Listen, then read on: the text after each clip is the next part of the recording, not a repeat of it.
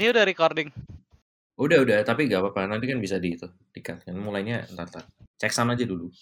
BTW, kill, yuk. Cek cek. Yuk, Apa, kenapa? Sebelum sebelum recording gue mau nanya deh. apa? Misalnya dua orang ini nanti nanya visi misi tim Tekno apa? Membawa, membawa ini anjir membawa kehancuran. Waduh. Woi, dipersiapkan dulu coba jawaban. Gampang Ya itu udah. mah. Gampang Udah, kita- gampang nanti. kita kita bahas bareng aja. Dit nggak usah ditanya ya. Eh eh eh. eh. Kalau misalkan ada tanyanya langsung ada. ngalah ngalah ke teh gimana nih?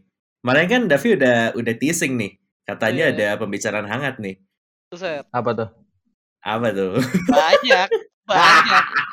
Oh, banyak itu. sekali. Nah deh. Ingat-ingat Drin. Lo kalau mau berantem jangan ajak gua anjir. Justru Gua udah bera- gua udah capek Gini. anjir berantem sama dosen pembimbing jangan lu cariin musuh gini, baru. gini, gini, gini, Dit. Pokoknya kalau Hmm. ada keributan apa di sim racing, Hmm. bersangkutan yang ribut, pasti ada nge-calling anak-anak tim Tekno. Buat apa? Buat ribut. Eh, Buat ikutan ributnya nih ceritanya. Anjing. Tukang pukul. Mana ada kejadian di situ ada tekno aja. Jadi Iya. bouncel gila. Jadi kalian ini gak, gak perlu terlibat gitu ya? Gak, maksudnya Nggak, gak perlu kayak dipanggil, pihak A pihak B gitu kan? Tapi ya penting ada nggak aja perlu. gitu kan. kita nanti sama sendiri. sama pasukan oren beda tipis lah. Pasukan oren. Oh, gue tahu ya.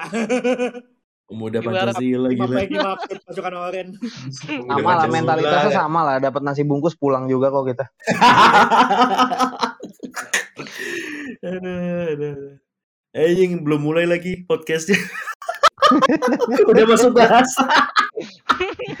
Ini kalau lu mau masukin behind the scene juga silakan. anjir. Tenang, tenang. Di mana ada keributan di situ ada akil. Iya. Bener juga Terus sih. itu yang gue masih nggak ngerti kenapa warna tim kita ungu dah. Mental kita kayak seragam hijau gitu anjir. Enggak oren, yang oren malah damai. Iya orang perasaan juga nggak serusuh ini dan mereka rusuh kalau Anjing. kondangan sama proyek doang anjir. Enggak, maksud gua maksud gua tim yang oren. Oh oh gue kira yang oren itu. Yang oren Oh. loreng. Oh, bukan. Gue kira tadi nangkepnya orel-orel dari awal. Eh gue juga koneknya ke situ. Enggak, oren yang barusan gua maksud McLaren oren. Oh, Iya, kemarin. oh. Oh. Yang ada yang ada PP itu penis. anjing. Nah kan seru tuh kemarin kan udah gue gertak kan yang gue bilang itu kan Iya. kata gue, weh ini lu apa kalau kalau bawa-bawa nama tim kalau sampai nanti jadi masalah tim jangan nyesel kan udah gue gitu. Nah, kan bener kan Dit? Di mana ada keributan di situ ada akil. Gila. Gila emang. Tekno, tekno. Gue lagi ngerjain skripsi nge- ngecek Discord, anjir, bos, geng kita diserang bos. Oke. Kena panggilan aja. Iya, langsung menta- udah mentalitas ini apa mentalitas preman jaksel gue keluar kan langsung tuh masuk kunci motor Vino nyala gaspol ngeng gitu kan. Jaksel suburban ya, Kil. Iya. Udah jaksel banget anjing. Jaksel mau dapat Vespa Matic susah soalnya di sini mahal makanya kan cuma mampu dapat Vino dulu. Vino sama Scoopy. anjing. Aduh, kita mulai aja deh. Bego. Aduh, oke oke. Rusak mentalnya. Tiga, dua, satu.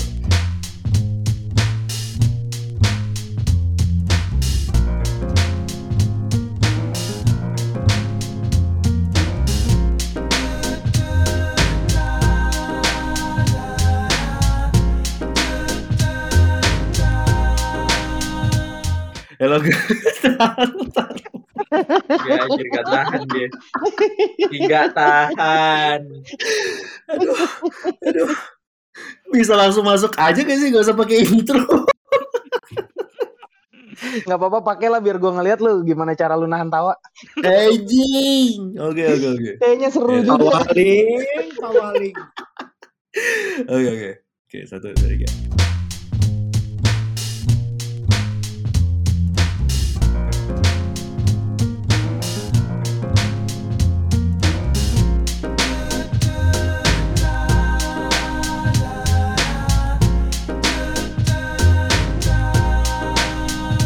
Halo guys, welcome back to podcast Lambe Racing ya. Uh, ini di episode 83 masih bareng nih sama tim Tekno. Setelah kemarin kita di part pertama ya, kita ngobrol banyak banget nih.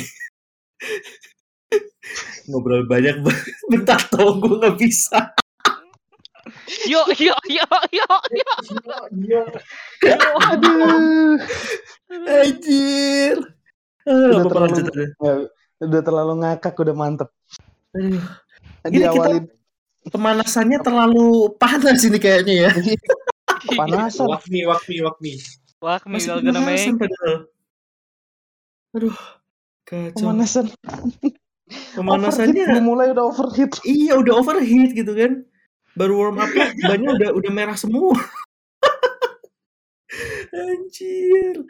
Aduh, yaudah, yaudah, yaudah, yaudah. Ya, jadi ya ini kan kita masih sama tim Tekno nih. Ada jadi ada Akil, Aldrin dan Rio. Ini boleh saya hai dulu nih. Halo guys. Halo. Halo Halo semua. semuanya penonton setia dari podcast Lambe. Anjay. Ini aduh gila ya.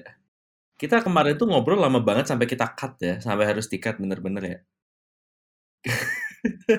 kayak iya padahal kayak sebenarnya masih banyak banget gitu sampai akhirnya ya udahlah kita bikin aja part keduanya gitu untuk ya ngelanjutin lah mungkin sama menggali lebih dalam ya karena memang ya dunia sim racing nih banyak bahasanya, banyak tehnya kalau diikutin. Bener-bener kayak ya kayak ajang olahraga lain sebenarnya. Jadi kan ya kemarin kita udah nih ngebahas nih kayak sim racing uh, surface ya, secara surface kayak apa sih itu, kemudian uh, tim Tekno itu gimana, movementnya apa aja. Oh iya, gue mau tanya nih satu hal nih. Jadi kemarin tuh gue lupa tanya gitu. Jadi visi misinya tim Tekno tuh apa ya? Kok ditanya sih? Ini, Ah ya, ini nih. kok kok gitu Drin jawabnya? Wah, lu manajer tim. Drin, lu manajer tim, nggak gitu cara jawabnya. Kok ditanya ngamuk sih lu manajer tim apaan sih? Tadi pas briefing kan udah.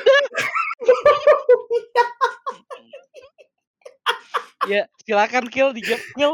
Ya, ya gue wakilkan lah ya. Oke, oke. Nah, ya paling kalau Tekno secara sebuah tim ya pasti kita goals utama kita adalah ngembangun driver-drivernya. Ya, Hmm. ngembangun driver-drivernya untuk jadi uh, bisa berkompetisi dengan baik, bisa mendapatkan achievement-achievement. Yang nantinya juga secara langsung atau tidak langsung kan juga akan membangun tim untuk lebih jauh lagi. Dan Hmm. in the end sekarang semua tim-tim e-sport di ya udah bisa disebut e-sport lah ya secara kasar di dunia Ya. balap ini Ya. semuanya targetnya kan untuk jadi sebuah company yang proper. Jadi Ah, untuk lebih dari oke. jadi sebuah tim, untuk menjadi sebuah bahasanya ya e-sports company lah atau apa gitu bahasanya gue kurang tahu juga gue kurang ini juga nih sama dunia dunia politik kayak e-sports ya. Tapi semuanya pengen semuanya pengen jadi itulah kalau di sini.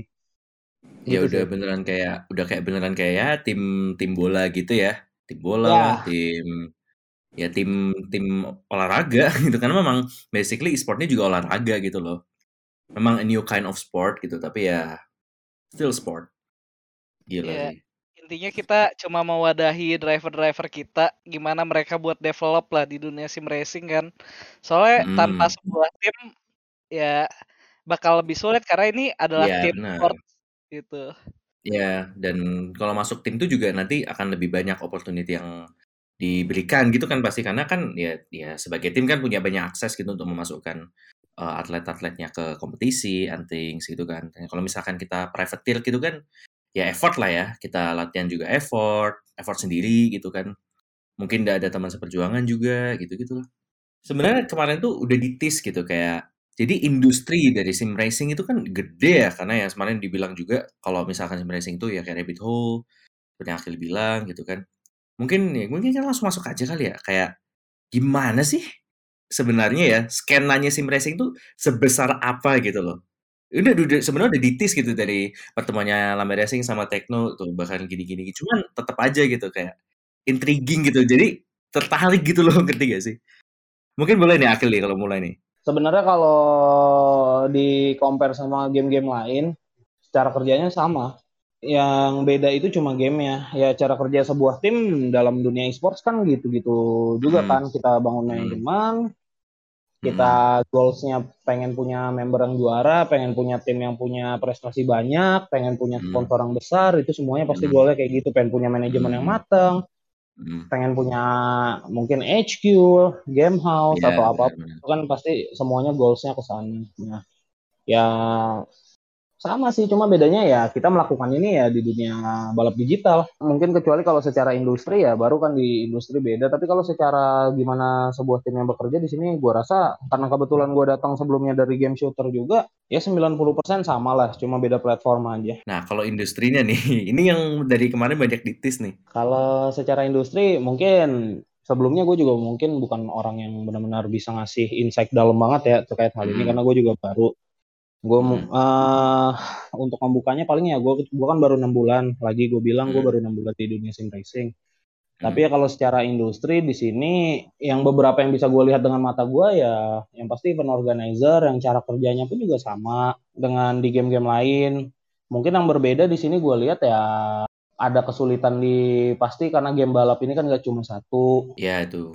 Punya game balap yang berbeda-beda dan event organizer itu mengakomodasi event untuk game yang berbeda-beda terus. Kayak ada event organizer yang dia bikinnya untuk Assetto Corsa, Assetto Corsa Competizione, yang cuma main di R Factor 2 ada, yang cuma di F1 2021 ada. Wait, wait. Jadi mereka kayak nggak misalkan satu organizer bikin macam-macam balap gitu, mereka mostly specialize gitu ya? Enggak, cuma Atau gimana? hand- handful doang kok. Jadi cuma satu Oh. atau dua event organizer yang Oh, pu- yang spesialisasiin di satu game. Tapi beberapa Oh. event organizer lain itu mereka memilih ya apa yang diminati orang. Jadi orang mau, lagi banyak mau main game apa ya mereka turun. Ada yang misalkan kalau lagi balap perlu di Assetto Corsa Competizione mereka pindah, Assetto Corsa biasa mereka pindah. Mungkin kalau iRacing mereka bisa akomodasi juga. tergantung demand juga berarti ya? Kalau gua lihat tuh di Indonesia sih masih kebanyakan tuh specializing ya. Kalau bisa dilihat Ya. nih, kalau gua sebut aja ya event organizer-nya di Indonesia kayak ada HM Engineering itu tuh dia Ah. fokusnya cuma di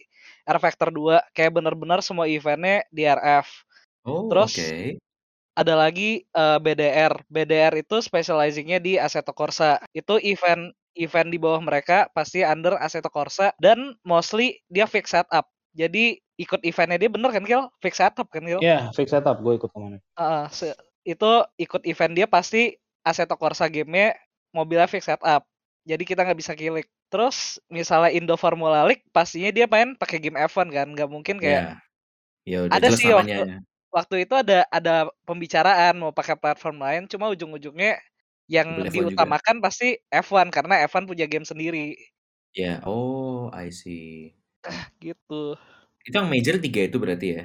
Yang major. Eh, ada satu lagi, ada namanya Indo Racing League, tapi ini masih under satu manajemen sama Indo Formula League. Indo Racing League ini dia specializingnya so far dia baru bikin event Assetto Corsa Competizione ACC. Kayak itu tuh berarti Indo Racing League kan dia buat bikin event lain dia pakai nama lain walaupun manajemennya sama. Jadi gua ngeliatnya sih buat tiap game gitu udah ada kayak organizernya sendiri-sendiri. Iya.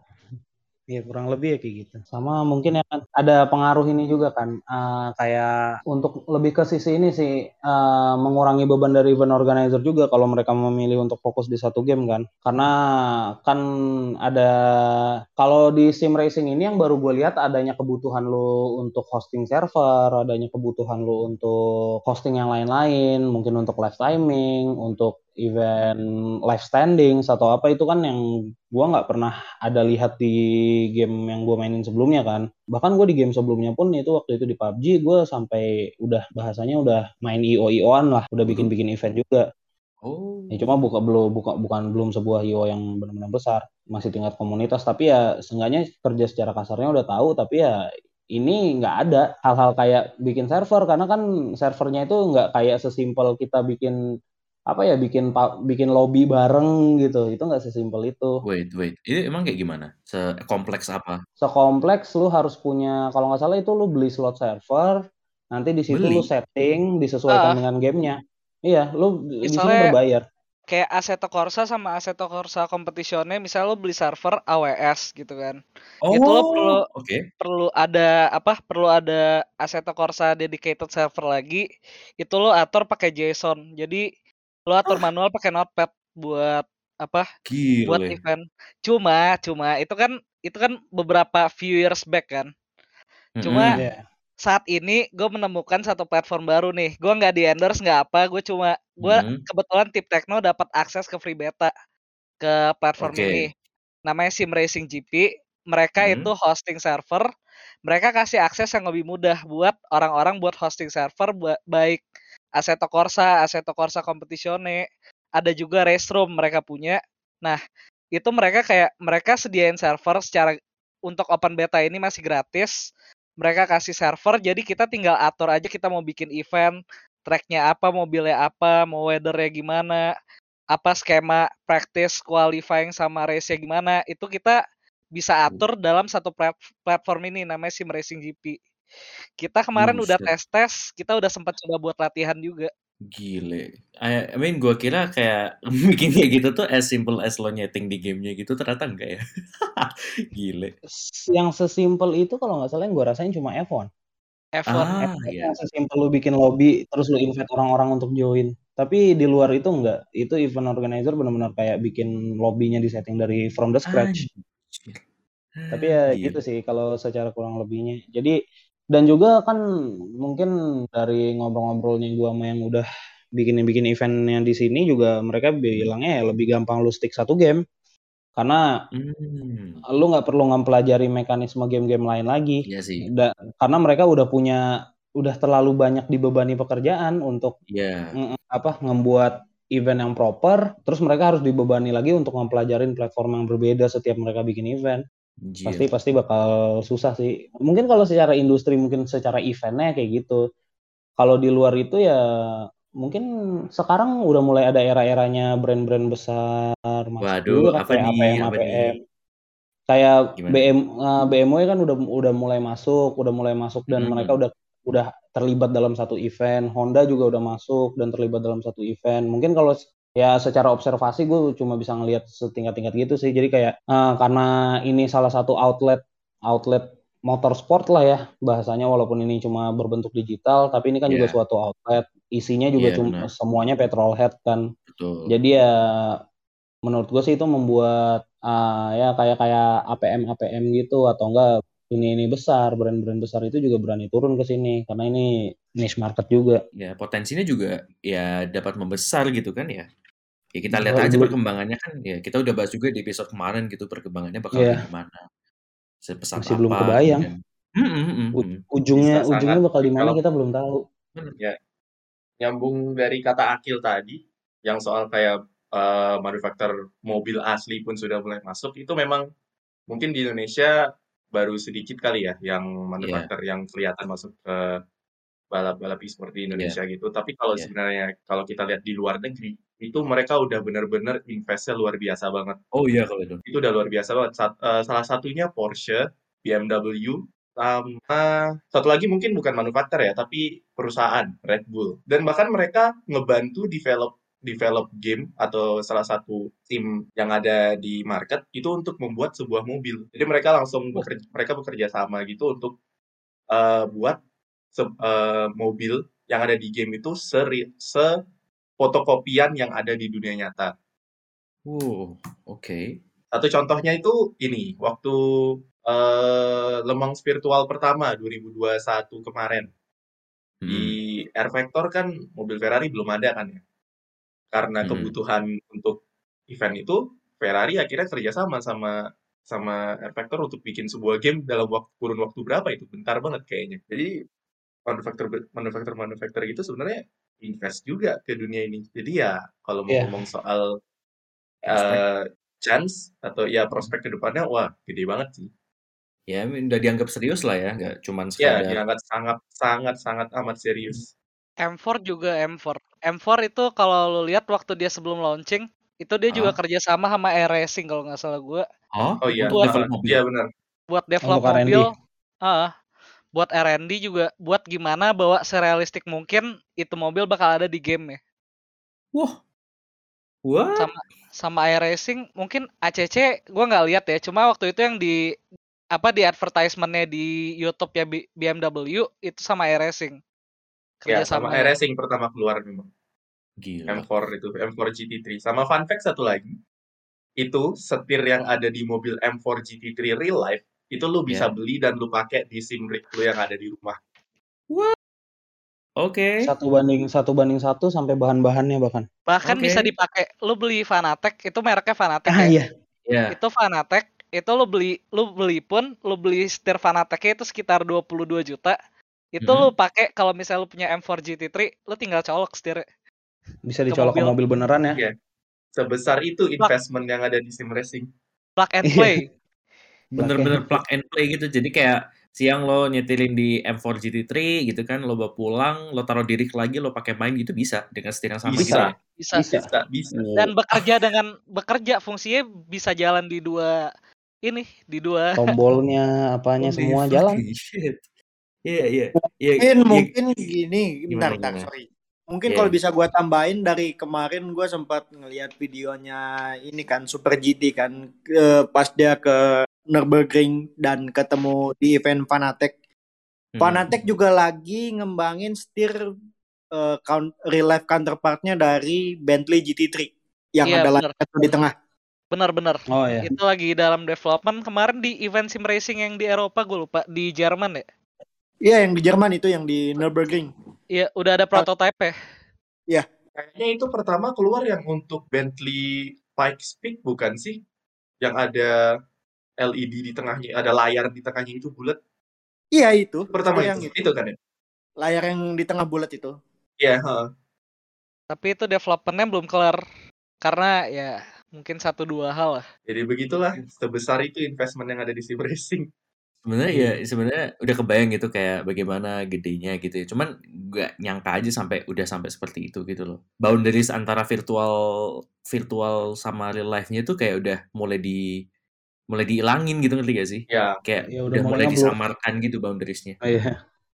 Iya kan? Kayak ya lo dengan lo dengan rig-rig yang ya itu kayak dibilang tadi gitu kayak lo beli setirnya M4 GT3 gitu lo siang bisa lo pakai di mobilnya malamnya lo bisa colokin di rig-nya lo pakai sim racing gitu kan Iya.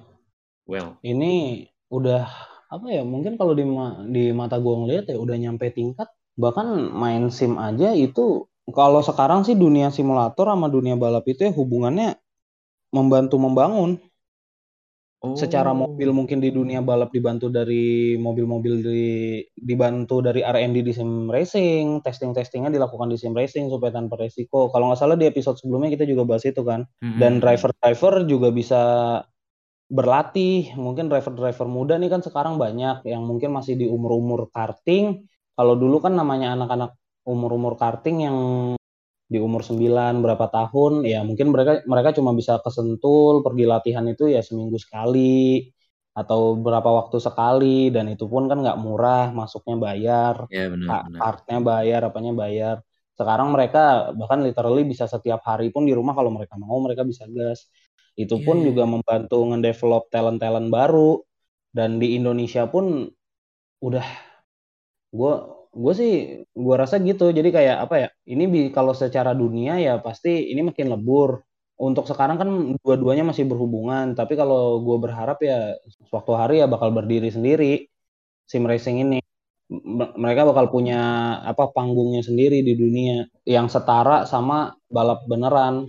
Walaupun bakal susah juga sih. Tapi kalau di Indonesia dengan adanya sim racing ini ya pasti harapan terbesarnya ngelihat apa ngelihat Indonesia bisa maju di dunia motorsport dan mobil gitu. Karena kan kita tahu nih kalau dari motor kita udah berprestasi banget. Mobil juga kita berprestasi kan kita punya kayak Om Riva Om Sean Glael yang yang udah nggak diragukan Om Rio Haryanto. Tapi kan maksud gue generasi berikutnya gitu.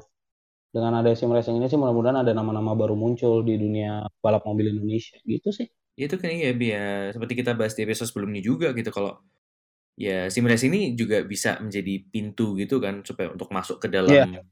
real racing apa ya real racing anjir kayak nama game gak tuh itu emang nama game kayaknya Emang game sih itu. Emang game sih. Kalau Iya, kita iya. ingat-ingat ingat-ingat ROC nih kemarin banget anak sim racing ngalahin four times oh world champion. Iya, Iya. Lucas Blakely. Iya, itu keren sih. kacau sih ini Bahkan Lucas Lucas Blakely itu runner up, bukan championnya F1 Esport. Itu runner up.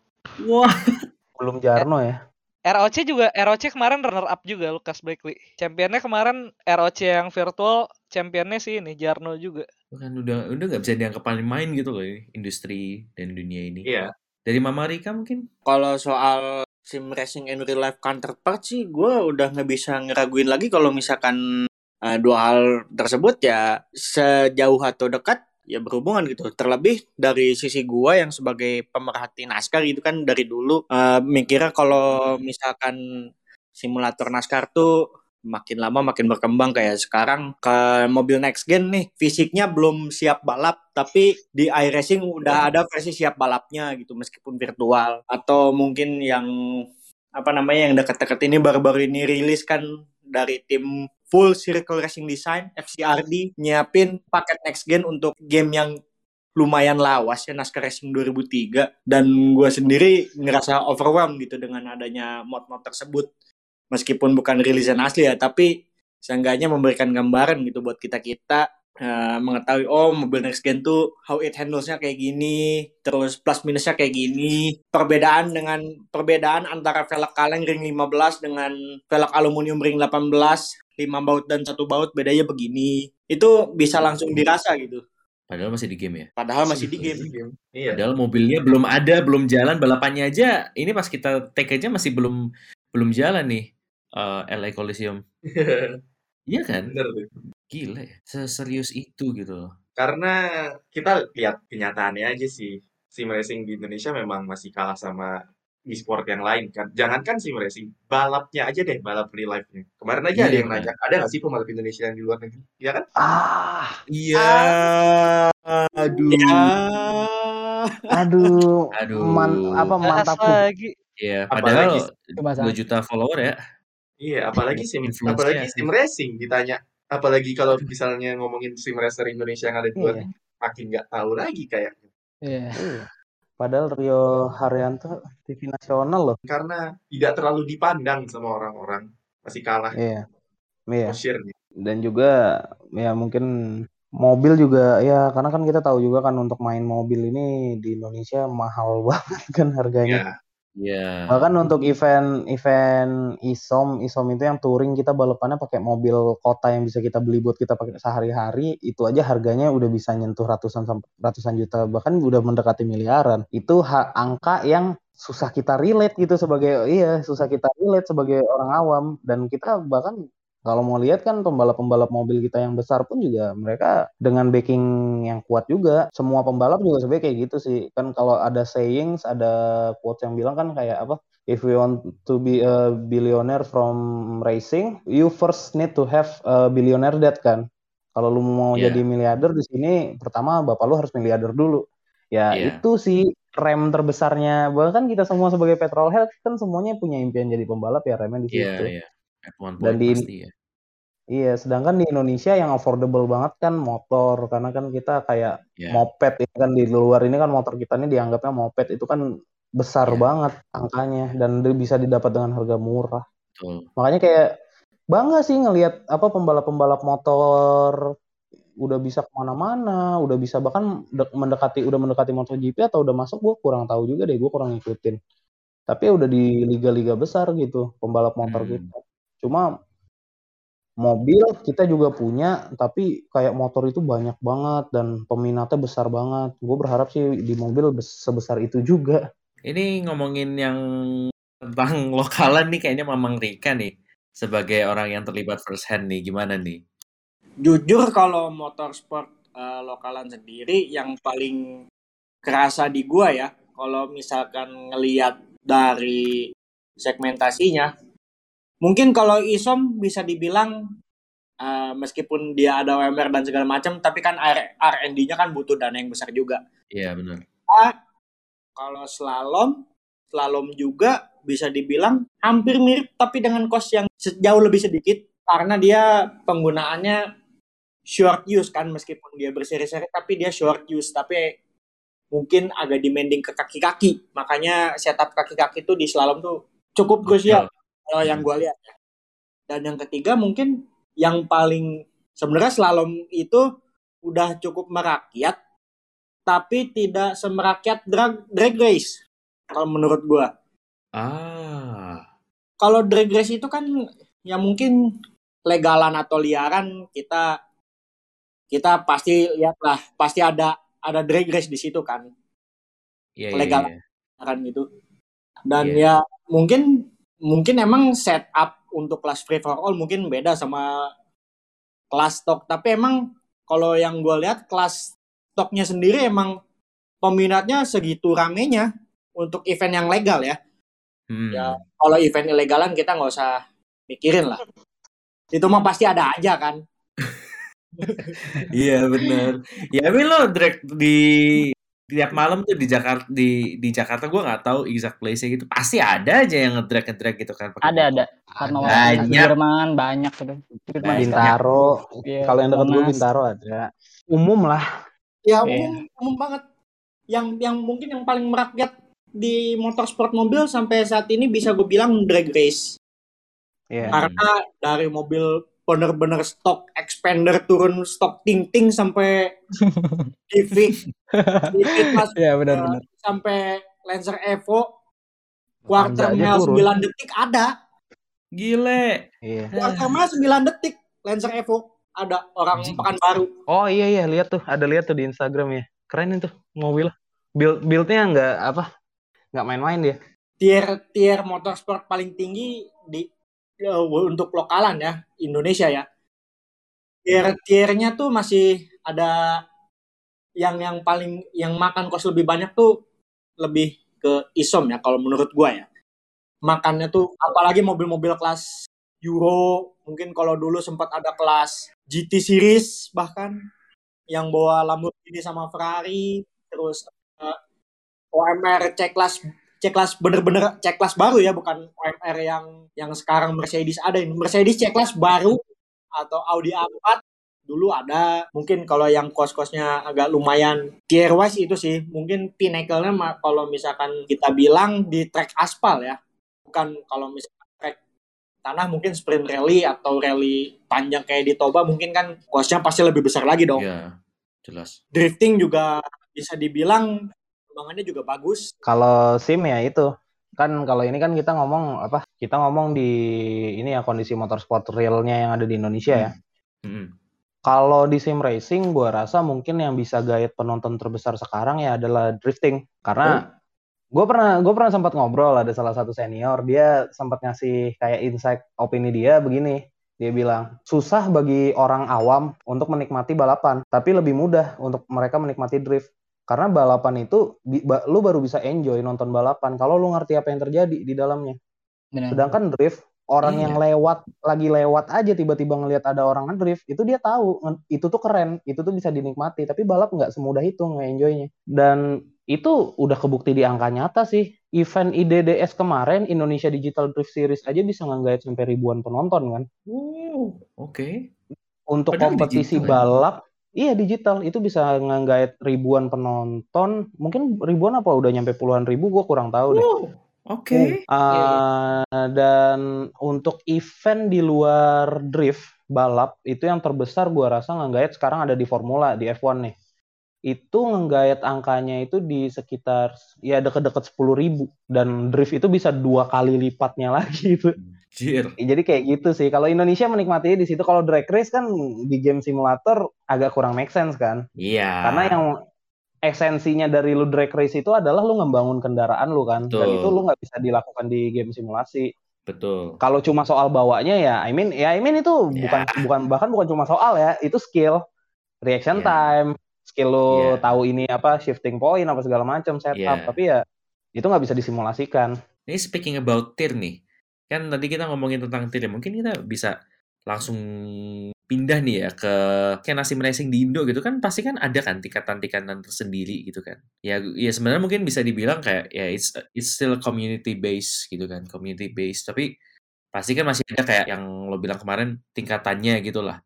Itu mungkin bisa kayak dijelasin gitu atau gimana gimana? Eh, kalau soal tiernya itu mungkin nggak sem tidak semua kompetisi menjalankan sistem kayak gitu kan ya. Tapi, tapi memang kalau mostly yang gua sama Tekno udah ikutin ada sih s- dua, tiga atau empat event yang menggunakan sistem tier.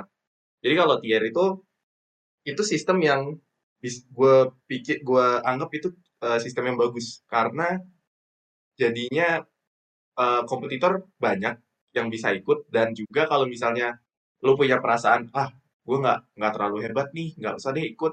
Mending lo ikut karena udah terbagi jadi tier. Kalau misalnya memang lo kemampuan lo sampai segitu ada tier untuk untuk kemampuan lo itu. Jadi ada beberapa memang uh, event balap yang menjalankan sistem tier ada yang yang tidak karena mungkin memang tujuannya mereka itu untuk mencari yang best best of the best gitu kan. Iya iya iya. Tapi kalau memang untuk kayak mencari karena ini untuk community ya ada yang pakai tier sistem biasanya. tier tiernya mungkin tier 1 sampai 2 atau 1 sampai 4 itu pembagiannya gimana? Nah untuk Oke. pembagiannya itu Tergantung event organizer. Iya, tergantung dari event organizer. dari qualifying apa hot lap gitu atau gimana? Ada Oh, ada iya. yang ada yang ada yang misalnya pakai QTT tuh qualifying time trial. Misalnya eh, cetak waktu. Misalnya HRSC kemarin tuh HRSC 2 itu pakai time trial. Misalnya waktu lu di range misalnya 18 18,8 sampai 19 itu lu di tier di yang master ntar di 19 sampai 19,5 lu di yang apa sih kemarin yang tengah-tengah gua gua lupa pokoknya tier Oke. kedua lah Semi Iya. pro pro gitu gak sih? Iya, Iya, semi Iya, pro dia ada apa sih? semi- Master, master, tengah, terus yang paling bawah tuh Semi rookie. pro rookie ya. Simpelnya sih mereka punya slot. Mereka kayak misalkan eh, mereka punya ah, ini mereka dari awal udah nentuin mereka bakal punya tiga tier. Mm-mm. Setiap tier mereka mau 20 misalkan cuma mau 20 mobil. Ya udah berarti kan mereka punya slot 60. ya Ya mereka adakan aja pri apa prakualifikasi terbuka. Misalkan kita join servernya, kita cetak waktu di situ. Nanti dari waktu yang tercatat di server itu diambil 60 waktu tercepat. Itu yang masuk. 60 waktu tercepat itu bakal dibagi sesuai tier. Ya, Ya. jadi peringkat 1 sampai 20 bakal masuk tier 1, 20 42, 40 Ya. 63. Itu tier internal sih kalau tier secara keseluruhannya belum ada secara mungkin tapi bahasa pribadi nih nggak apa-apa nih. oh nggak apa-apa nggak apa-apa nggak apa-apa tadi gue juga mau tanya itu juga sih kayak Oh ada iya sih kayak ya. standardize-nya gitu kayak di Indonesia sendiri itu ada nggak sih kayak tier yang standardized gitu antara sim racer gitu? Eh, yang di stand di standarin banget, Heeh. gue belum pernah baca, tapi ya ini mungkin gue sendiri yang bagi ya. Iya iya nggak apa-apa nggak apa-apa. Itu mulai dari pertama pas eh, ini dari tingkat ini komunitas dulu. Komunitas itu tergantung dari nanti cakupan komunitasnya kan bisa komunitasnya udah mencapai tingkat nasional, Mm-mm. bisa mencapai tingkat internasional, tapi itu tetap in the end itu komunitas yang Mm-mm. balapnya itu nggak punya lisensi. Jadi kita ya kompetisi in a sake for ko- kompetisi aja. Ya internal ada komunitas ya. gitu ya. Ya internal komunitas kayak yang sekarang banyak diikutin driver-driver itu kayak apa Indo Formula League, ah, terus apa beberapa event kayak ya macam-macam Indo Racing League, terus Oke. HME apa itu Ya. Indonesia itu kan dia Hmm. tingkat komunitas. Nah, Oh, walaupun sampai ada buka buka untuk internasional, tapi itu itu bahasanya masih Ya, komunitas. community. Tapi ya, eh, tapi kalau yang baik yang punya merit besar ya ada yang namanya official, official event. Kebetulan kalau gua ngelihatnya dari IMI sih. Jadi kalau event itu udah diakui sama IMI, ya itu udah disebut event nasional nasional atau internasional yang official. Kayak contohnya kemarin itu IDMC ya kalau nggak salah. Iya, ide. IDMC itu untuk kita ngikut aja kita har udah dengan ikut aja kalau nggak salah kita udah terdata di IMI sebagai pembalap pembalap Oh ya? digital Oh Iya. wow.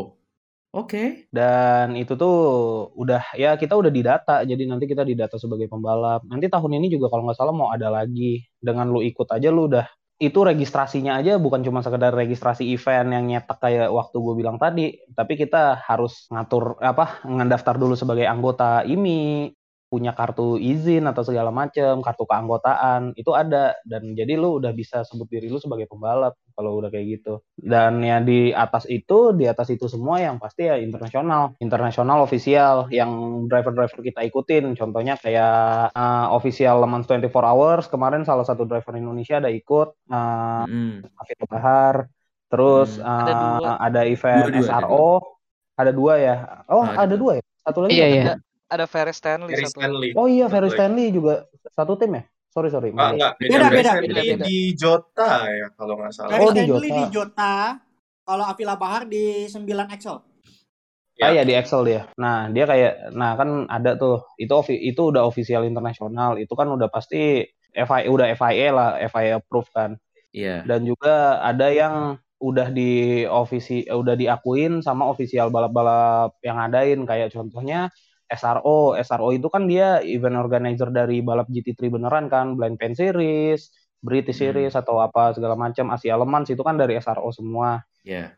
Nah, jadi kalau lu udah ikut itu ya lu udah udah pembalap, udah pembalap yang beneran. Lu ngomong pembalap udah nggak ada yang bisa bantah. Lu bilang diri lu pembalap udah nggak ada yang bisa bantah di situ. Nah, kayak Wah. gitu sih kalau gua ngebagi tingkatan dari ya tingkatannya dari seberapa ofisial sih event yang kita Iya. ikutin dan yang ngadain itu siapa. Kalau gue baginya dari situ. Tapi ini nggak pernah distandarisasi atau di disebut tiernya itu nggak pernah ada. Iya. Oh, oke. Itu kan menentukan kita nanti mau ikut event yang mana kan. Contohnya ya Iya. eh, wah ada dua event dia tabrakan. Nah, lu bisa milih ikut yang mana ya tergantung dari merit eventnya itu sendiri. Oh, kalau gue ikut event ini, event ini tingkatnya apa sih? Oh, cuma komunitas kecil doang. Menang pun juga nggak ada prestisnya. Tapi ikut Iya. yang event ini, lu nggak juara pun dengan hadir aja lu punya prestis yang besar. Iya. Berarti lu tahu dong lu mau pilih yang mana. Iya. Kita sebagai pembalap sih milih balapan dari situ. Oh. Hmm. Iya, iya benar Gila. lah ya. Ya gue mau nambahin dikit sih nih. Sebenarnya banyak loh ya pembalap e-sport Indo yang sebenarnya udah internasional ya. Terutama di MotoGP sih. Kebetulan kan emang pasar MotoGP di Indo gede ya. Itu di di internasional tuh udah ada yang tembus dua malah si Moe sama Sansokin. Sansokin tuh pembalap SRT ya Petronas Yamaha SRT sama Moe juga eh, pembalap LC, LCR Honda tuh. Pas di 2020 kalau nggak salah bahkan sempat podium si Sansokin podium ketiga tapi ya gitu MotoGP tapi ya. Iya, MotoGP tapi bukan bukan mobil. Bahkan banyak loh, sebenarnya banyak yang bisa tembus di MotoGP. Di Race of the World-nya kan mereka kan MotoGP kan kayak ngebedain dua gitu ya. Ada yang Europe sama yang Hmm. Race of the World.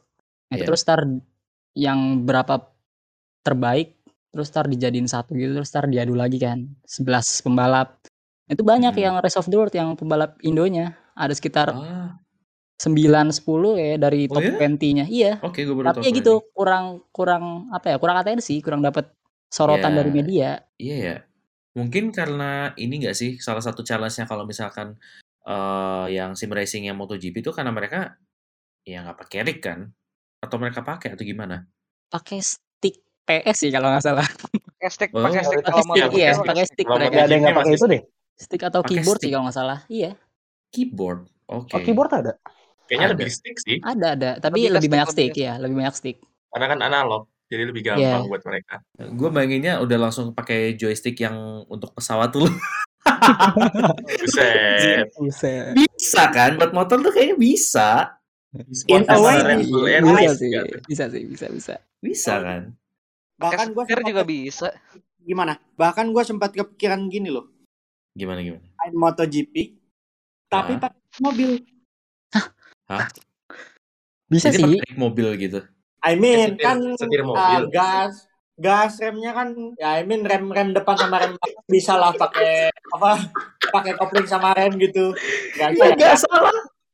belok kiri belok kanan ya pakai setir Ya bisa sih. Ya itu maksud gue. Bisa, bisa. bisa, bisa. Bisa. Kalau ada Bisa. kemauan bisa. Bisa. nggak sih itu? Iya. Iya ya jatuhnya ngecit nggak sih? Enggak.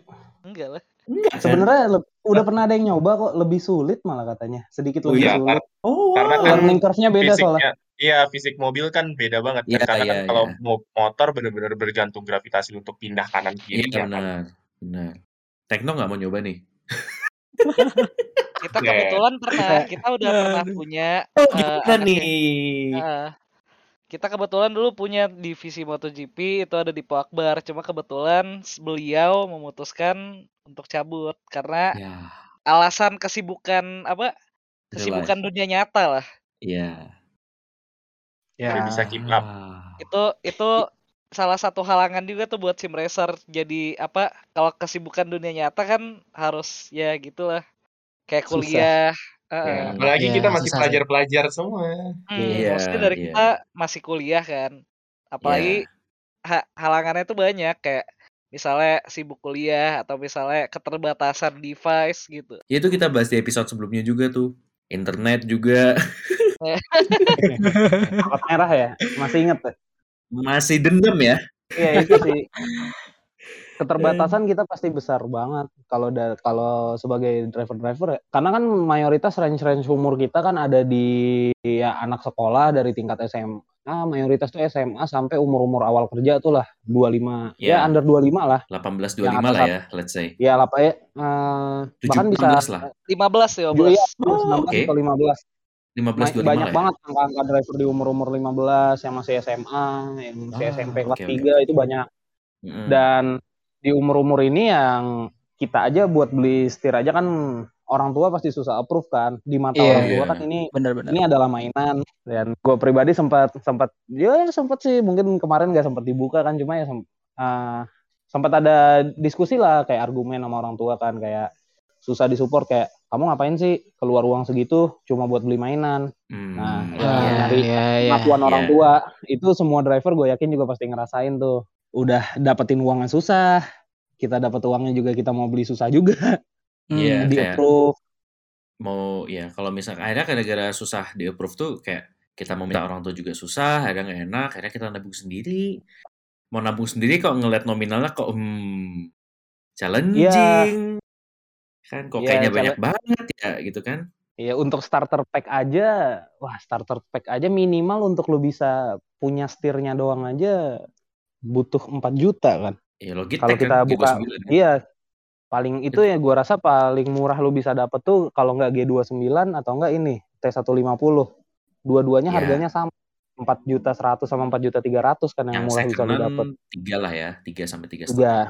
iya tiga sama tiga setengah. Tapi ya lu yakin mau beli barang second, sedangkan lu kompetisi pakai barang ini nih lu setiap hari pasti bakal jadi beban mental banget kan kalau Bakal sewaktu lu lagi kompetisi ini. Iya, ini pemakaiannya bakal di abuse. Oh, iya sih, masuk akal Yang sih. yang gue cerita juga tadi dit sebelum podcast kan, Heeh. gue aja sampai punya dua wheelbase just in case yang satu ini mati. Karena gue Iya. bener-bener pakai sehari ya, let's say minimal tiga jam lah sehari. Uh, Oke. kalau Gila. sewaktu rusak, Rusak. sama kita Not gonna make it. Tidak Iya, waktu kita- jadi. Gonna make it. kita semua nggak selesai di punya satu equipment. Ba kayak Aldrin, Aldrin punya dua wheelbase. Kalau gue pribadi, gue punya dua pedal. Walaupun pedal gue sama ya, sama-sama pedal original G29, tapi gue di rumah ada dua. Hmm. Jadi ya sewaktu-waktu patah, gue plug and play. Kan gue pernah matahin satu kan, per remnya pernah Ah. patah kan. Aduh. Ya namanya Aduh. abuse, apalagi gue cerita di sesi podcast sebelumnya, minat gue itu ke balap endurance. Iya Yang benar. Oh iya minimal lama. Ah, iya iya iya. Minimal aja tiga jam gue untuk balapan. Itu syukur dulu Reasonable patahnya sih. cuma di latihan. Iya, syukur dulu patahnya cuma pas praktis doang. Kita kompetisi, dari kompetisi kita dapat profit ya juga ini kan tergantung skill, tergantung event apa yang kita ikutin, Tergantung luck juga, Kil. Ada tergantung luck faktor luck. juga, ada Oh faktor iya, luck faktor juga. luck. Iya, Iya. keuntungan kita dapat belum banyak, tapi nanti equipment udah umurnya habis duluan.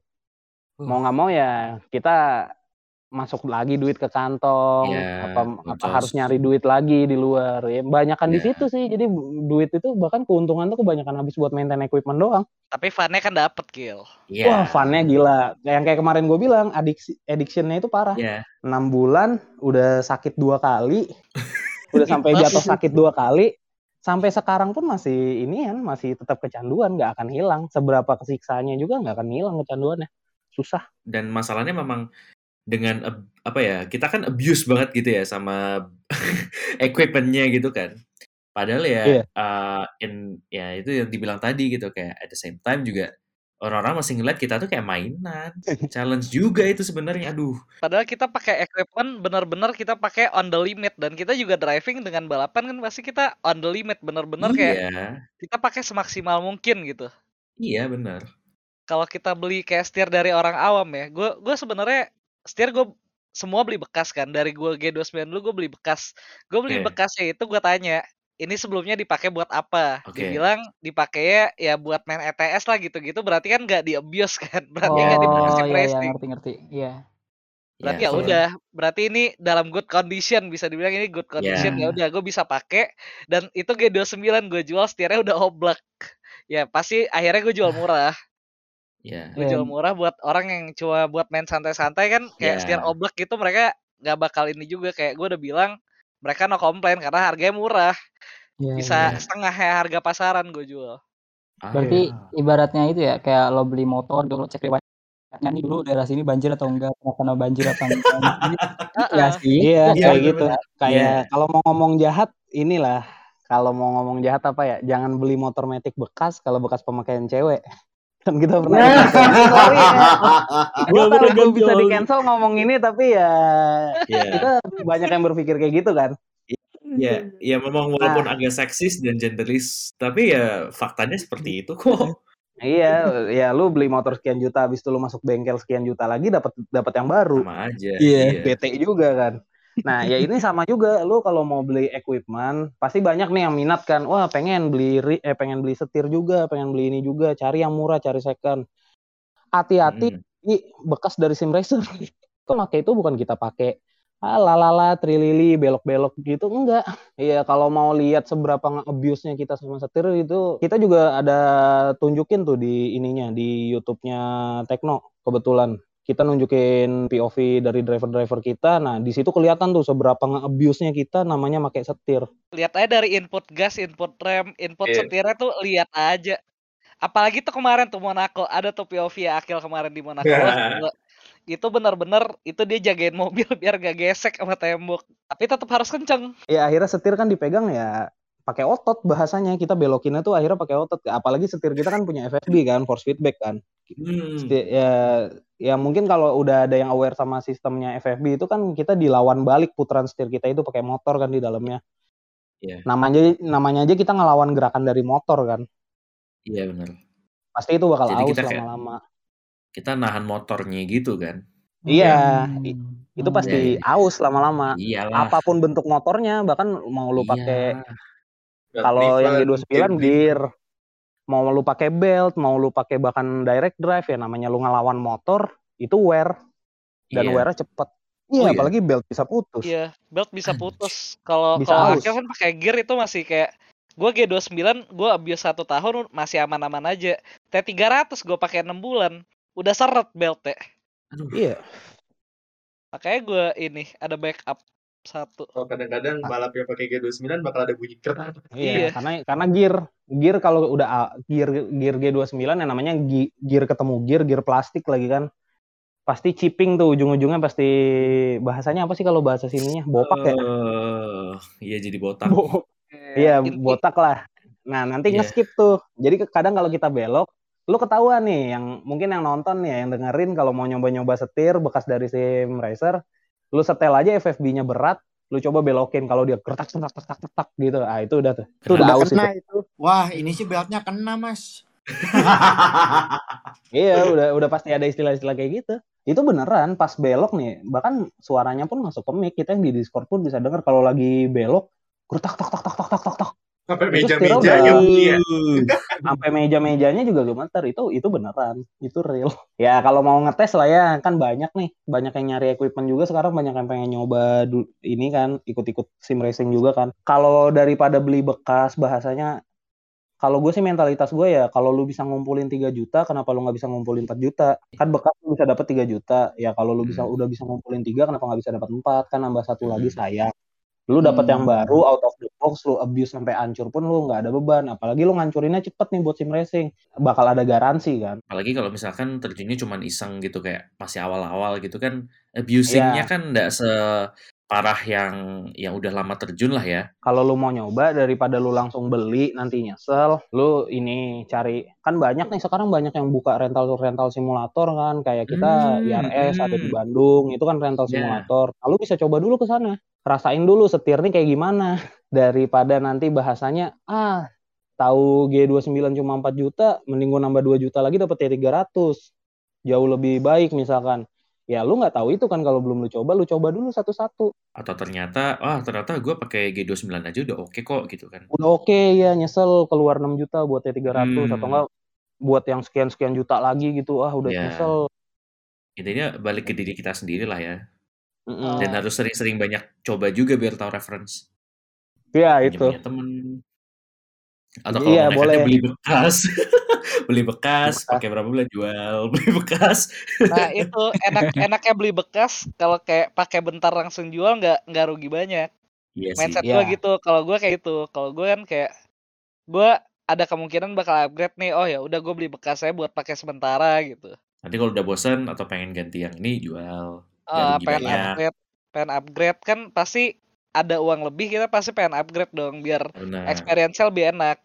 Tuh. Nah, pas banget tuh Aldrin kesebut tuh. Banyak yang nanya juga tuh kalau nggak salah secara pribadi. Equipment mahal ngaruh nggak sih sama kenceng? Nah, gimana nih? Nah, iya kan Gimana, itu banyak banget tuh yang nanya gimana? kayak gitu. Gimana? Nomor satu enggak? Jawabannya enggak? Ah, Enggak secara, enggak secara langsung bikin lu kenceng. Lu in the end karena ya tapi kita ngomongnya mulainya dari setir yang proper lah ya yang udah punya force feedback, yang udah punya Iya, ped, yang ya bahasanya punya udah punya pedal juga, udah enggak Betul. pedal asal-asalan. Itu semua udah kalau lu punya itu aja lu bisa sekenceng yang punya setir 20 juta, 30 juta lu bisa sekenceng mereka. Dan itu terjadi banyak kok kita dari kita yang gentleman gentleman driver yang dia udah berkeluarga udah kerja tapi dia ikut ini nih cuma buat have fun have fun doang itu dia namanya udah kerja udah ini udah mapan pasti mereka Iya. nggak pelit tuh mau keluar equipment tuh. Ya, bisa puluh-puluh juta mereka keluarin ke sini ya. tapi uang mereka sebanyak itu yang mereka dapatkan adalah imersi itu yang nggak didapatkan dari setir yang bahasanya mungkin ya kayak kita pakai sekarang lah ya Ah, Menarik, menarik. Insight-nya menarik. Experience-nya Iya. doang yang beda.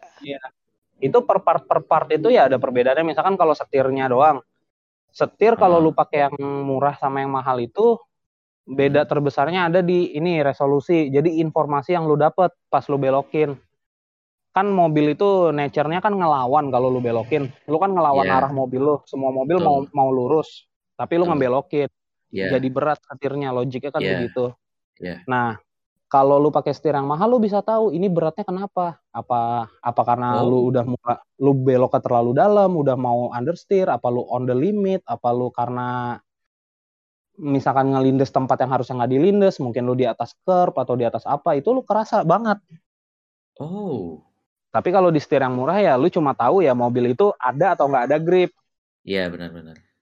nah Lebih, lebih apa ya?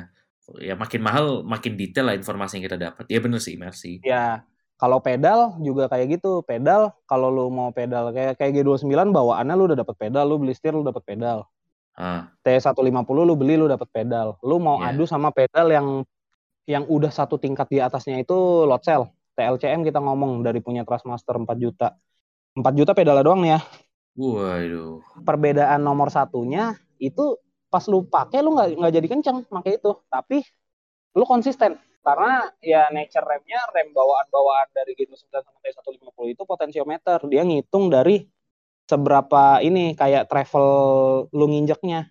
Makin dalam nginjeknya makin berat ah, makin rem makin enteng nginjeknya makin gak ngerem. Tapi kalau load cell itu dihitung dari berat lu lu berat lu nginjeknya pressure-nya. Jadi lu bisa bangun muscle memory di situ. Oh gue nginjeknya seberat ini. Oh gue nginjeknya seenteng ini. Kayak bawa mobil beneran. Nah itu feel. Anjir. feel feel pasti meningkat. Feel itu ya nanti konsisten lu jadi lebih imersif itu iya. Kayak orang-orang yang udah punya monitor yang dari ujung mata kiri ke ujung mata kanan gitu kan. Yang monitor be- bengkok banget. Iya, iya, iya, iya. atau nggak monitornya tiga ya itu semuanya imersi. Tapi lu nggak punya itu lu bisa sekencang mereka bahkan ada deh kalau nggak salah ada satu driver Oh, Dava Nabil lah kalau nggak salah dia bisa ikut kompetisi internasional bawa SRO. G29 iya Oh ya? SRO itu internasional dia ikut itu yang lain pakai setir-setir puluhan juta setir pedal puluhan juta dia pakai G29 Masih bisa ini, masih bisa poin, masih masih, bisa, kompetitif. masih kompetitif masih kompetitif Wow. yang dia yang dia Gila. salib itu orang-orang yang keluar puluh-puluhan juta buat equipment yang udah pakai rig yang bentukannya dari roll cage gitu-gitu kan? wah udah aneh-aneh deh Dari Ada yang kotak. pakai motion sensor lah. Iya.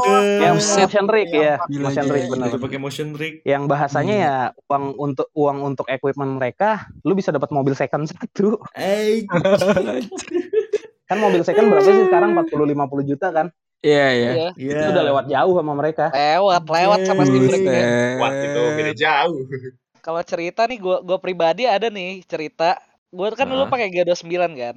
Iya. Terus gua upgrade ke T300 dengan ekspektasi gue bisa langsung lebih kenceng. Ternyata enggak. Gua jual iya. G29, gua jual G29 beberapa hari kemudian kan T300-nya nyampe nih di gua kan. Nah, Gua pakai pace gua hilang 5 detik. what? Ya karena adaptasi dulu.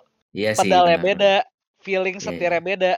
Iya. Dan pada akhirnya eh gue bisa balik lagi ke pace awal gua dan dengan upgrade itu gue bisa misalnya gue bisa lebih konsisten kayak tadi yang Akil bilang kayak dengan gue upgrade ini misalnya kalau gue pakai T300 gue bisa nangkap informasi misalnya nih mobil oversteer gue bisa korek itu dengan cepat itu yang gue nggak dapetin di G29 kayak gue harus ngerasain sendiri nih kapan mobilnya mau ngespin kayak kalau pakai T300 mobil tuh kabur itu kerasa sama setir kita Hmm. Apalagi kalau pakai setir yang lebih mahal. Itu bakal lebih enak lagi experience-nya. Ah. Eh tapi gue jadi penasaran dah nih. Kan tadi kan ngomongin mahal enggaknya nih. Kalau sekarang kan tadi kan kayak dibahas dulu nih force feedback, experience gitu. Nah, force feedback itu penting gak sih sebenarnya? Apakah bikin experience-nya lebih enak doang atau tambah cepat Wah, atau gimana tuh? Bukan cuma itu. Kayaknya krusial Bukan deh. cuma itu. Iya, Itu iya, tadi sial gue itu. dulu, gue jadi penasaran. sangat penting itu karena itu sa- bisa dibilang itulah satu-satunya info dari mobil lu ke diri lu sendiri dari di- dari lu dengan keadaan mobil lu yang yang sedang eh, dialami sama mobil Disetirin. itu aja caranya karena kalau di di real life kan kita dapat pasti gravitasi lah kita ngerasain Ya. mobilnya wah ini Ya. ini lost nih mobilnya kalau di sim racing nggak semuanya punya kesempatan itu itu kalau yang punya kesempatan itu kan pasti yang udah pakai motion rig kan Ya. kalau kita kita ya masih ber bertumpu sama force feedback kan. Jadi force feedback itu penting banget. Tambah cepat gak tuh? Apa nggak ngaruh apa gimana? Tambah konsisten. Konsisten, lu bisa kenceng. Ada kok di Rio? member kita yang iya Rio sendiri. Rio sendiri itu balapan Oh, pakai iya. setir yang tanpa force feedback dan dia kenceng. Tanpa untuk apa? untuk Tanpa untuk driver feedback? dia kenceng tanpa force feedback. Dia Iya, gua nggak jadi- tahu lu pakai setir apa dulu. Pokoknya ya Tahu yuk, kasih tahu yuk. nggak tahu gua nama setirnya apa. Pokoknya setir Nah, itulah. malah jadi malu nih. Nggak apa-apa, santai, Pas santai. TV sport tapi tapi equipmentnya butut banget. Iya. gue setirnya dulu ya nggak usah sebut merek deh. Gue cuman bungee driven dia. Cuman kalau misalnya lo putar ke kanan ntar dia balik otomatis gara-gara ada suspensinya doang. Kayak gitu doang. Setir ini setir time zone kalau lu tahu. Dia Iya kayak sih gitu. time zone. Oh, Game-game kayak iya, midnight iya, di time iya. zone itu gamenya nggak jalan pun pas setirnya lu putar dia ngelurus lagi kan sendiri. Itu karena ada Iya. kab- ada ada karetnya bahasanya dia pakai Iya, ini iya. tali banji. Nah itu sistemnya yang dipakai di setirnya Rio. Dan lu ada vibration nggak? Ada ada di Nah, feedback yang didapetin Rio itu sama kayak setik. Kalau lu ngelewatin permukaan yang kasar, setirnya geter, Geter tapi nggak nggak ada informasinya, cuma geter doang. oh. gue cuman balapan seinformasi seminim itu. Nah, tapi tetap bisa kenceng. In the end dia tetap bisa kenceng, kompetitif, lawan yang setir-setir force feedback, lagi lawan setir-setir yang udah berjuta-juta, itu tetap bisa. Cuma ini krusial banget kalau lu bisa ada Iya punya sih. setir yang ada force feedback. Itu kayak apa ya? Di samping mata. Jadi sim racer itu cuma punya dua eh, cuma punya tiga tempat untuk dapat informasi. Telinga mata sama tangan. Kita telinga buat dengar ton mesin buat dengar suara kompetitor kita di mana posisi apa segala macam Yeah. apa yang kita lindas itu ada suaranya. Iya. mata itu buat kita ngelihat gini kita ngelihat ngelihat gerakan mobilnya apa mobil ini mulai oversteer. Tapi kalau mau kita ngelihat pakai mata mobil itu udah sliding itu udah telat. Kita udah udah jadi pelan.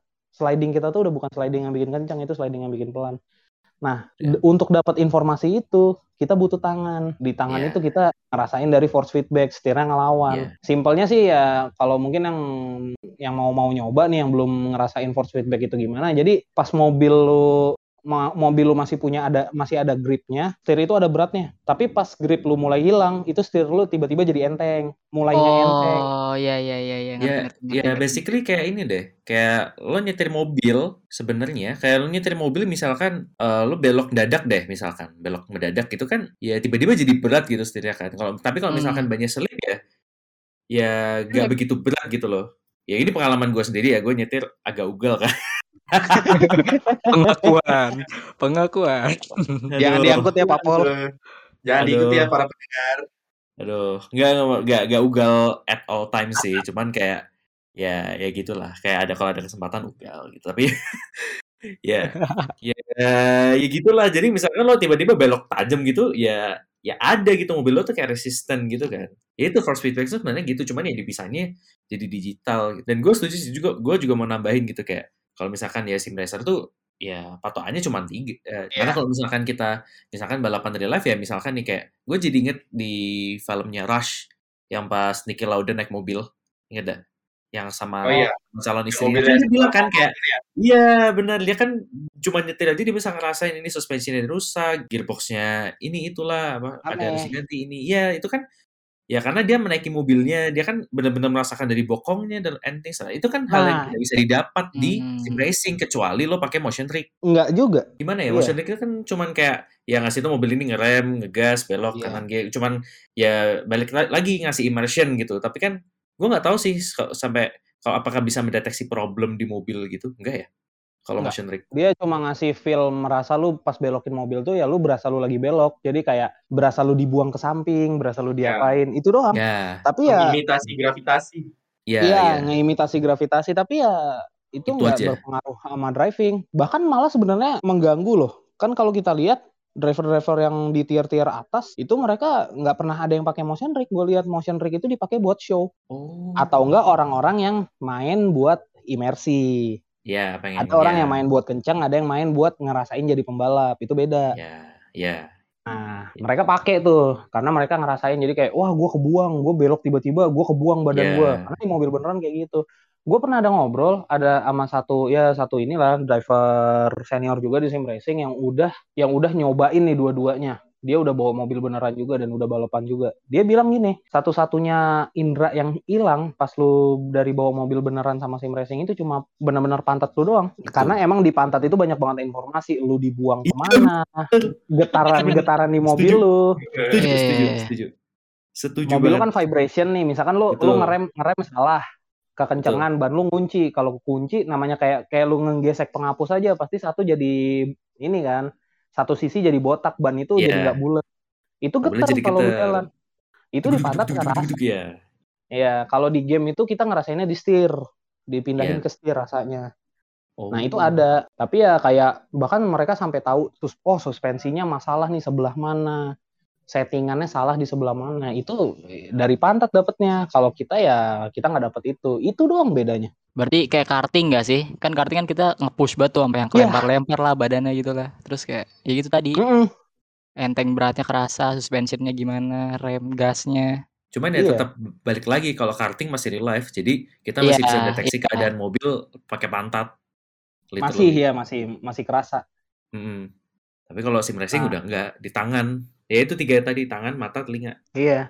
Dan ada kok kalau lu mau nyari-nyari di YouTube kayak pembalap pembalap pembalap sim racing yang jago dikasih kesempatan bawa mobil beneran drifter drifter sim racing dikasih kesempatan bawa ngedrift mobil beneran tanpa latihan. Langsung naik coba bawa. Itu mereka bisa bisa punya lap time yang kompetitif. Tapi masalah mereka itu yang gue nonton dari YouTube-nya ya satu Hmm. mereka nggak badannya nggak nggak kaget ngerasain Ya, hal nggak pernah mereka rasain kaget Pasti. kaget dibuang kaget apa segala macem kasarnya mereka rasain di badan itu mereka nggak pernah rasain strainnya itu besar banget perbedaan terbesarnya di situ gue pernah nonton tuh ada dia drifter e-sports dia dapat kesempatan dikasih bawa mobil drift beneran wah itu Juara dia cuma Eropa bilang nggak ya sih? Iya, kalau nggak salah di Eropa apa di mana? Di Eropa, iya. mana? Dia dikasih kesempatan. Nah, dia dia dia bilang itu ya masalah dia tuh cuma capek doang sama kaget badannya dia bilang. Tapi apakah dia bisa ngedrift? Dia tandem loh sama yang pro. Baru muter dua kali, putaran ketiga dia langsung tandem. Gila. Di drift tandem itu kan butuh butuh latihan. Iya, iya, iya. Tapi instan karena lu udah masuk sim racing. Se, se hebat itulah. Karena di sim racing kan insting lo, basic lo kan juga dilatih. Basically kan sama aja ya. I Iya. mean kan ya, namanya juga sim kan, it's not a game. Sim, simulator. sim. Kan? Simulasi ya. Simulasi. Jadi essentially lo udah membawa hal yang literally sama gitu. Cuma bedanya digital aja. Jadi kalau misalkan basicnya udah ada ya, gas. Jadi kalau pertanyaannya tadi itu apakah equipment mahal bisa mempengaruhi? Tidak selalu, tapi tapi bisa. dia cuma mempengaruhi feel lu ya dia nggak bikin nggak bikin lu kenceng secara instan tapi dia ngebantu lu jadi kenceng. Sama satu lagi sih paling ya skill ini skill ceiling ya kalau bahasanya. Kalau gue yang uh, sering denger di dunia-dunia game lain kayak pakai keyboard mekanik atau pakai mouse gaming atau pakai headset gaming itu bedanya di mana? Ya lu nggak pakai itu lu bisa jago. Tapi nanti lu setelah sekian lama pakai itu lu akan ada mentok. Mentok lu itu tapi lu kalau udah jago banget lu mentok lu baru bisa improve lagi kalau udah pakai equipment yang lebih tinggi nya baru di situ nggak worth it juga sih kadang maksud gue Oh, ya? kalau lu cuma mau kompetisi santai-santai lu beli rig, eh, beli equipment dengan total harga misalkan 10-20 juta ya tapi lu mainnya jarang kompetisinya santai-santai lu nggak ada niatan untuk ngepush jadi kenceng itu nggak menurut gue sih nggak worth it kecuali ya lu mau cari imersi itu hak Iya pribadi itu balik. semua sih hak masing-masing kan kalau lu punya Iya sih. duit lu mau beli nggak ada yang ngelarang lu cuma ya ya akan ada value yang kebuang tapi ya sih. kalau misalkan lu budget lu mepet, lu cuma bisa beli setir kayak misalkan G29 bekas atau T150 bekas, apa kalau bisa kencang bisa banget. Sama ini sih ya kalau gua mau ngomongin restriksi juga tuh biasanya laptop sebenarnya atau PC gitu. Hmm, itu itu yang nentuin lu bisa ikut atau enggak. Hah? Jadi jadi restriksi juga untuk ikut ke satu kompetisi gitu. Eh, bukan restriksi untuk lu ikut, tapi experience lu bakal hancur. Karena lu kalau balapan lu maunya lu maunya mikirin lu balapannya kan. Iya sih. Tapi sekarang gini, sebenarnya. spek spek lu mepet, saking mepetnya ah. sewaktu-waktu lu main bisa crash. Lu stres itu, lu nggak akan mikirin balapannya doang, lu nggak akan balapan dengan enjoy. kayak balapan ada some games yang lo nggak bisa dapat replay kayak F1 F1 kan bisa dapat replay cuma real time kayak input telemetri itu nggak keluar di replay nah itu tuh lu balapan lo harus record juga itu dulu gue pakai laptop itu gue nggak bisa record jadi in case something happens gue nggak bisa report tapi kalau di PC dengan spek yang men- mendukung kayak gue bisa record pokoknya gue bisa do everything apa gue bisa balap gue nggak perlu mikirin FPS drop segala macam gue bisa record segala macam itu Indian bakal bikin lo lebih safe gitu kayak lo kompetisi hati lo lebih tenang Ya mikirinnya ke balapannya aja gitu loh karena everything yang di sekitarnya itu udah sorted out gitu. Misalkan misalkan ada yang apa ya curang ke lo gitu lo udah bisa apa ya PC lo cukup lah untuk record the whole race dari awal sampai akhir bisa ngasih ke steward and things gitu. Kemudian lo nggak harus mikirin ini FPS-nya kok ngedrop ya? Dulu lagi sudah tau tuh ngedrop gitu kan. Kan Iya. aduh itu Itu itu FPS drop itu hal paling umum yang gua rasain pas gua pakai laptop karena itu overheat itu walaupun speknya tinggi tapi ini Iya. nggak kuat coolingnya nggak kuat. Iya iya. Iya, nggak nggak bisa ngimbangin outputnya. Itu masalah terbesar laptop. Apalagi kan kalau balap apa ya kalau balapan online gitu kan aduh berat Nah, itu. kan Beda bedanya di situ. Mungkin beberapa udah nyoba nih di single player atau enggak misalkan di lawan-lawan AI ya. Ya mungkin di situ lancar, tapi lu jangan berharap dapat experience yang sama saat lu udah multiplayer. Apalagi Betul. bahkan sampai ada titik di mana misalkan gini multiplayer kalau pembalapnya udah nyentuh sekian, game lu udah hancur. anjing jadi misalkan Ada. ikut multiplayer yang 20 orang gitu udah fix. Iya. kayak gue gue ini di komputer gue sendiri itu di Assetto Corsa Competizione. Kalau di ba- 20 orang ke bawah gue bisa jalan dengan FPS yang optimal. Bahasanya mungkin di 100 100 lebih. Tapi giliran udah 30 orang lebih dari 30 40 gue pernah ikut waktu itu di OOR Racing. Itu ngembanting sampai bahkan 60 sama 50 itu udah udah berpengaruh besar sama nyetir lo. Oh, lu iyalah. kaget kan kayak wah gue biasa Iya. 100 fps tiba-tiba wah 50 fps nih ada apa nih? Itu ngaruh. Iya. nah iya. sama ya paling catatan kalau ada yang mau join di sim racing kalau mau nanya nih PC PC-nya build-nya kayak gimana?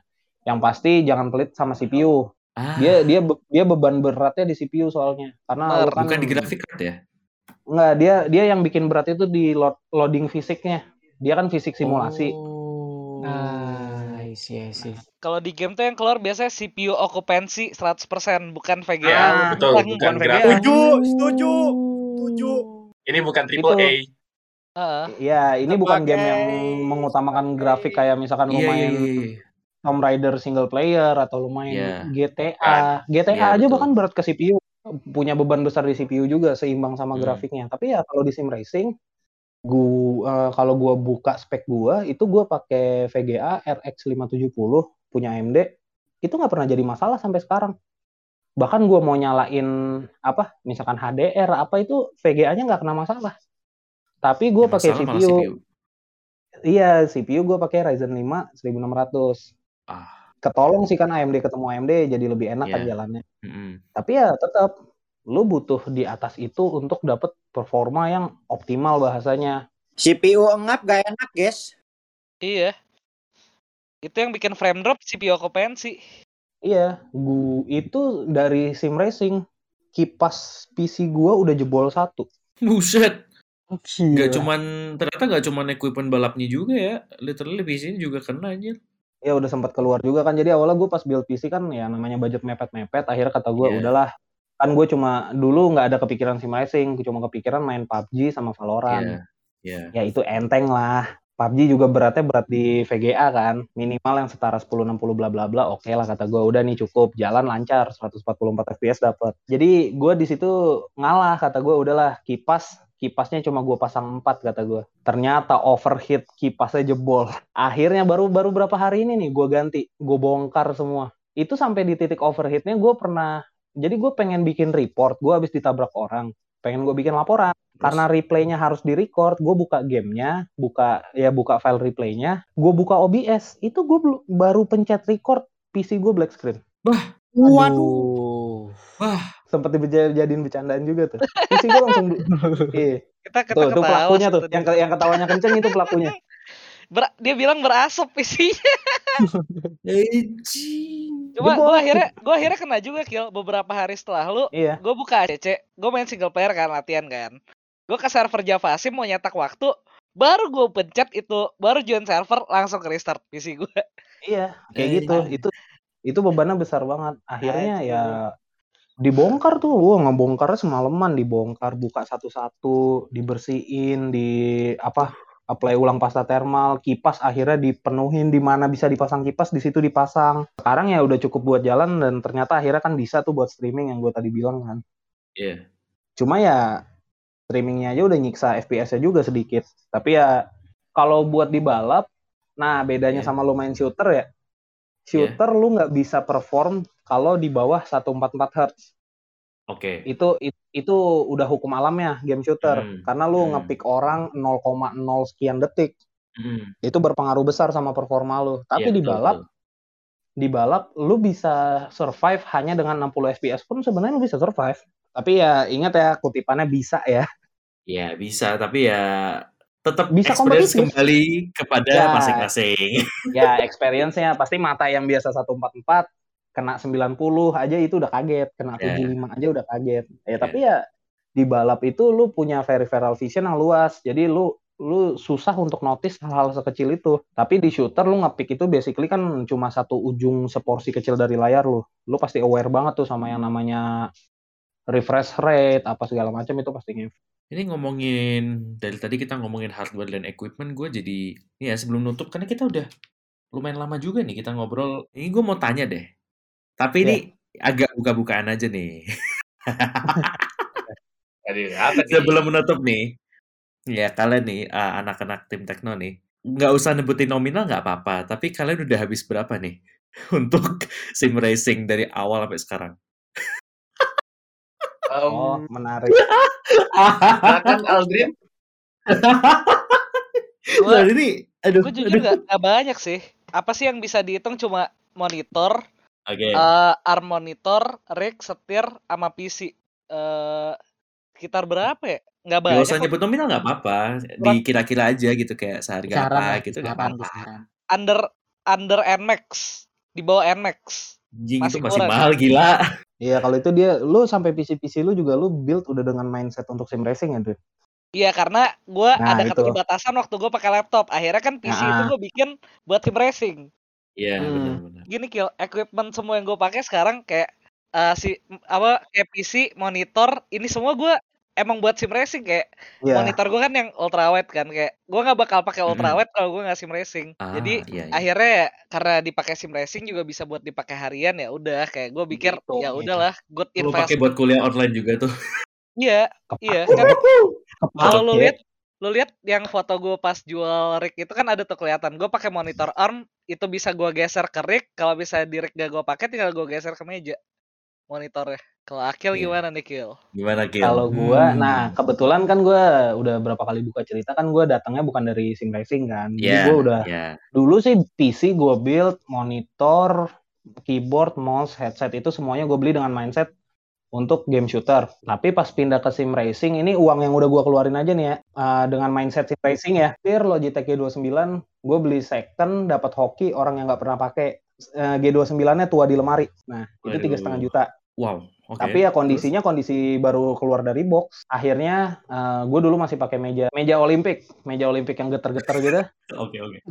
Ternyata, ternyata Oh, nggak gue kira kayak IKEA atau Informa itu Oh, ada nggak, Olimpik nggak. Nah, Oke. nggak kuat ngakomodasi setir karena punya force feedback. Akhirnya gue build meja. Gue bangun lagi meja dari ini apa pesen tukang kan. Buset. oke. Jadi nyiapin bahan pesen tukang itu bikin meja reinforce, kaki-kakinya dikerasin apa segala macem, kayunya ditebelin itu habis satu setengah juta. Bangku beli bangku kantor yang bisa gue pakai kerja, tapi kakinya juga bisa mati buat kalau balap itu 1,8 juta. Pedal replacement gue beli satu setengah juta. Berarti lo punya pedal dua. Iya, gue punya pedal dua kan. Pedal replacement gue beli satu setengah juta. Terus Berapa ya? di itu udah berapa tuh habis udah udah Enam, tujuh udah tujuh.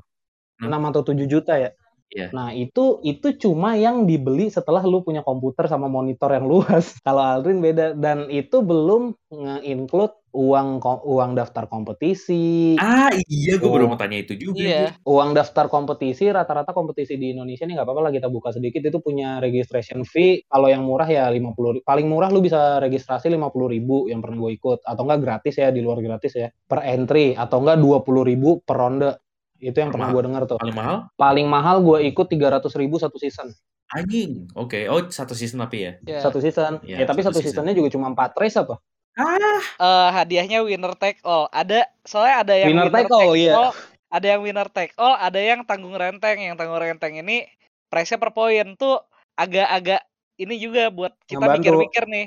Mikir-mikir kalau ikut event kayak kalau winner takes all kan kayak lu bener-bener harus try hard banget. Sedangkan kalau kayak tanggung renteng tuh per poin kayak kita mikir, oh dengan gua dapat 5 poin gua udah balik modal nih. Oh ya udah kayak have fun lah jadi Iya Iya. benar-benar. Itu berpengaruh besar.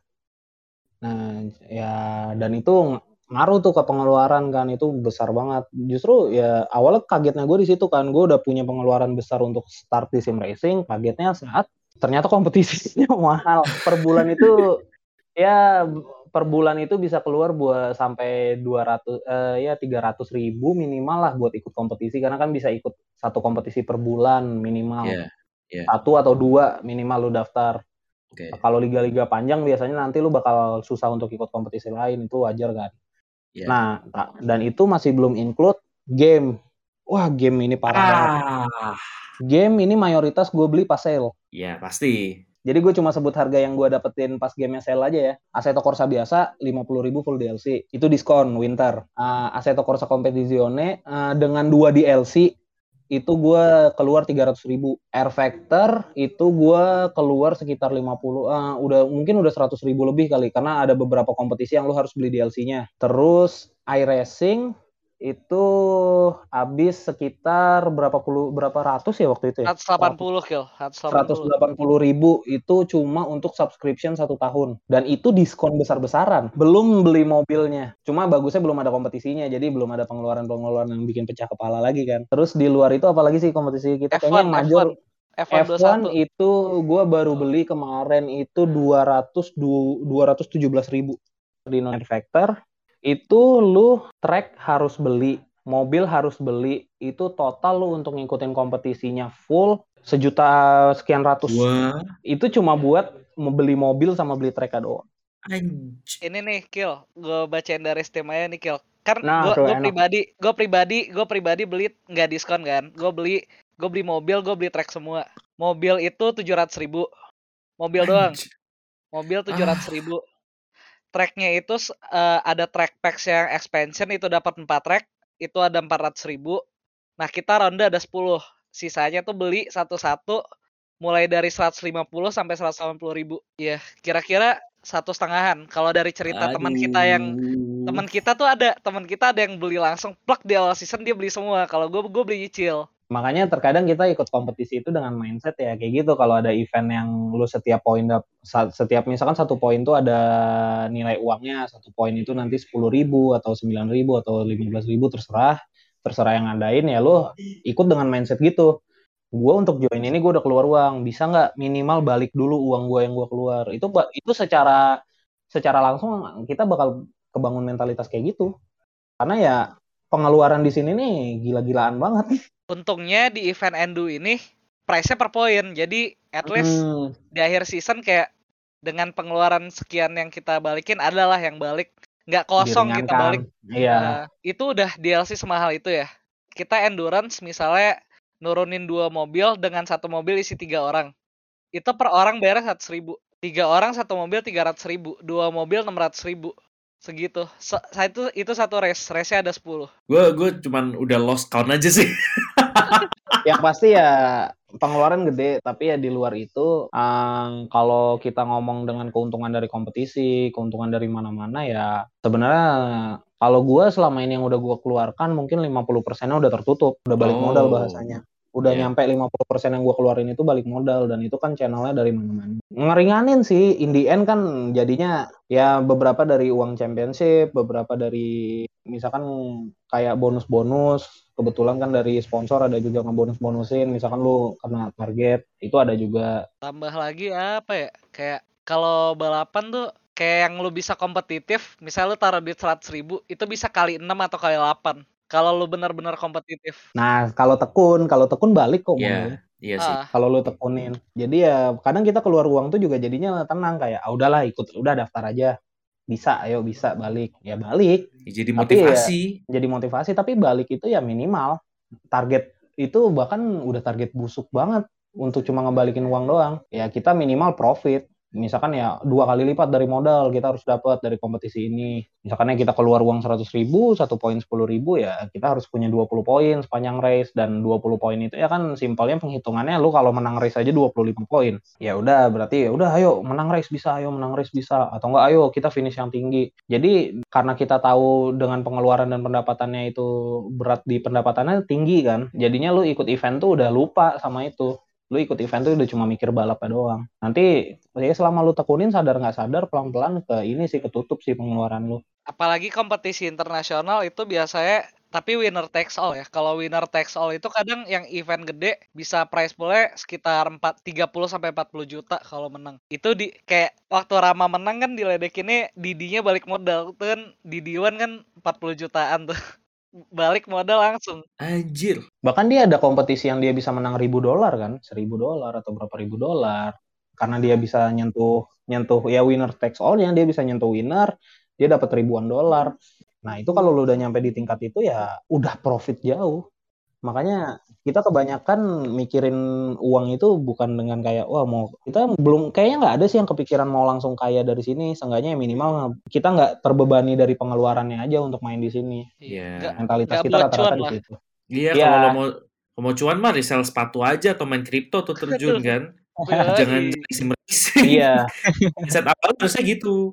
Mindset awalnya emang Iya. harus seperti itu gitu. Kayak kalau misalkan lo udah masuk ke masuk ke sim racing dengan harapan pengen cuan mah yang ada lo gila anjing. Lo stres, Cuk. kalau lu pengen cuan dari sini lu mending kerja Iya. Iya. bilang dari jauh-jauh hari lu mending lu mending cari kerjaan ini nggak worth it kalau lu mau kerja di sini itu nggak worth it kecuali lu tekunin dulu lu rugi dulu sekian tahun bahkan orang yang kita bilang barusan Om Andika Rama Maulana itu dia cerita dia mulai aja dari 2008 selama itu waktu yang lu harus dedikasikan untuk bahasanya ya dia tuh udah dikenalkan sebagai orang Legend ya terakhir. legenda legendnya ya. Legend legend. mungkin kalau di mata awam kayak gue gue udah bisa bilang dia tuh udah bisa hidup dari sini itu tuh butuh waktu selama itu ini nggak bisa nggak ini bukan lahan yang lu datang lu langsung ngeraup keuntungan lu kaya enggak ini lahan rugi Ba- bakar duit lah. Bakar iya duit tapi orang orang datang tuh ke sini bukan dengan mental mau kaya tapi orang mau Betul. Merasakan jadi pembalap kita semua tuh datang ke sini tuh mau merasakan jadi pembalap dan kita Menyalurkan. siap rugi untuk iya kita Menyalurkan datang tuh semua siap ya. rugi iya menyalurkan hobi namanya hobi kan Hobi yang dibayar. Ya berharap kan, berharap hobi yang dibayar. Tapi namanya lu punya hobi, apa pun hobi lu, lu siap rugi kan. Nah itu mentalitas kita. Hobi kami mahal momen. Iya hobi Iya. Iya. Benar benar maksudnya kayak ya kan ada orang-orang yang rela keluar ratusan juta untuk modif ninjanya yang Ah iya, bisa lebih mahal dari motornya ada Iya. banyak ada. banyak terus ada yang mungkin mau misalkan beli BMW bekas kemudian dimodif sampai ratusan juta lebih dari harga BMW-nya gitu ada ya ini sama aja kan sat- satunya kan sim racing ya Sama aja. kalau masuk dengan mindset hobi ujung-ujungnya nggak akan ada loss kok karena kita senang Nggak akan ada loh. Iya, senang itu udah udah profit sendiri. Iya. Bahkan orang-orang yang lu bilang tadi, ya kalau mereka kan nyari keuntungan batin ya. Tapi keuntungan betul. secara materi, akhirnya mereka secara nggak sadar mereka dapat. Sekarang dengan mereka modifikasi mobil, motor yang mereka tanpa sadar cuma dengan kecintaannya mereka keluar uang beratus-ratus juta Iya. akhirnya mereka ikut kompetisi oh kompetisi modifikasi Iya, betul. karena gue pengen menunjukkan aja oh ternyata menang ternyata dapat Mm-mm. sekian oh misalkan oh ternyata gue disponsori ini ternyata gue di ini Betul, betul. ternyata Iya. gue kenal kenal orang-orang baru dapat opportunity baru Betul. yang lu nggak akan dapat kalau lu nggak nggak terjun di dunia ini bahkan dengan ikut dunia ini aja gue bisa bahasanya bisa kenal orang-orang dapat kesempatan yang di luar balap ya yang Iya, gue iya, nggak iya. bayang bisa dapat sebelumnya Wah. Indian kalau tekun profit. kalau itu kan Ya, profit. profit dari Profitnya mana juga pun bukan apa ya, bukan bentuknya bukan uang aja gitu. iya Iya. Apa pun. dapat pride dapat kesenangan sendiri Pride, lah kesenangan, koneksi. kayak ya kayak di bahasa itulah jangan jangan kasih orang ikannya kan kasih orang pancingannya kan Betul, betul. Nah, Nah, benar, ya. benar, benar. Jadi Dari- dari, dari ikannya sendiri. Iya dari ya dari dunia sim racing ini ya yang gue dapetin itu ya pancingannya, opportunity-nya itu besar banget. Bisa kayak kenal orang di dunia ini, kenal orang di dunia itu, bisa dapat kesempatan misalkan apa misalkan nanti mau kerja di sini ada temennya, mau kerja di situ ada temennya, Betul, betul. Mau bikin pekerjaan ini ada orang yang mau bantu, mau bikin bisnis ini ada orang yang mau bantu itu itu dunia komunitas tuh kayak gitu besarnya. Apalagi ini komunitas mobil kan, yang kita tahu kan komunitas mobil walaupun Wah. misalkan gue gue juga orang yang nggak mampu lah ya untuk main mobil ya, tapi ya kenal orang-orang mobil ini mindsetnya terbuka banget jadinya, nyaman kok kalau ini kalau mau didramatisin ya salah satu ini enam bulan terbaik yang pernah gue jalanin lah Waduh. Benar-benar gua aja nggak kaget nih. Ini baru enam bulan ternyata gue di dunia sim racing ini kan. Karena gue merasa kayak gue udah setahun atau dua tahun di sini. Selama enam bulan ini nih banyak banget. Pengetahuan kenalan apa segala macam itu nggak nggak terhitung. Yaudah, yaudah deh, yaudah kalau gitu, ya sekali lagi nih gue ucapin makasih banget buat Deep Techno yang udah mau mampir ke podcast Lambe Racing ya. Ini ya, ya di episode sebelumnya juga gue ucapin makasih, tapi udah gue ucapin lagi deh, makasih. Akil, buat Aldrin, buat Rio, thank you banget ya udah mau ngulangin waktunya, mau ngobrol sama kita, mau on the record, mau off the record, bener-bener ah, seru sih, seru banget, gila, seseru itu. Ini salah satu episode collab paling seru deh menurut gue ya pribadi ya. Sejak ber 80 something episode yang kita lakuin dan banyak episode yang collab ini ya salah satu yang paling seru sih. Karena memang membuka mata mata gue gitu sebagai orang yang noob di dunia sim racing dan menurut gue ini insightful banget sih. Mungkin kalau apa ya bahasa klisenya daging semua gitu orang-orangnya. Emang iya literally. Iya benar sih. ya emang orangnya daging semua juga sih sebenarnya. Ya ngomong ya ngomong daging Ya. semua agak anjing. agak agak nyinggung agak tersinggung dikit tapi but oke ya eh gak apa-apa gak apa-apa. Ini yang ngomong juga isinya daging semua. Enggak lemak Ya. semua malah. Oh, oke. Gak apa-apa, gak apa-apa. Etsa, Etsa, Etsa gak bisa lilit kayaknya ya. Ya tulang sama kentut beda. Ah, ya udah itu. Pokoknya makasih banget buat tim Tekno udah mau mampir ya. Jangan kapok-kapok lagi. Kalau diundang atau apa. Mungkin nih sebelum ditutup nih, sebelum ditutup for real gitu kayak ada satu dua patah kata dari tim Tekno mungkin. tips aja ya dikit ya yang gue pegang nih dari dulu nih buat diri sendiri kalau lu mau kenceng lu harus bisa ngaku dulu kalau lu pelan step pertamanya itu gue gitu sih itu doang sih tips gue nanti lu pikirin sendiri tuh gimana ngejalaninnya Ya kita harus be humble dulu lah ya kayak. iya Karena kalau kita menganggap diri kita pelan gitu, kita akan banyak belajar lah untuk mempercepat diri kita sendiri. iya Tapi kalau kita udah menganggap diri kita cepat, kita nggak bisa improve. Karena kita nganggap Iya. kita udah cepet kok. We're fast enough. benar Nggak ada ruang untuk belajar. Tapi kalau itu, kalau kita menganggap diri kita pelan ya, kita akan terus belajar bagaimana kita tambah cepat. Dan itu endless. Endless growth jadinya. Iya. Dari Aldrin, Rio, mungkin. kalau emang lo mau terjun ke dunia sim racing, nggak usah perlu nggak perlu takut soal equipment lo, nggak perlu takut soal soal skill lo.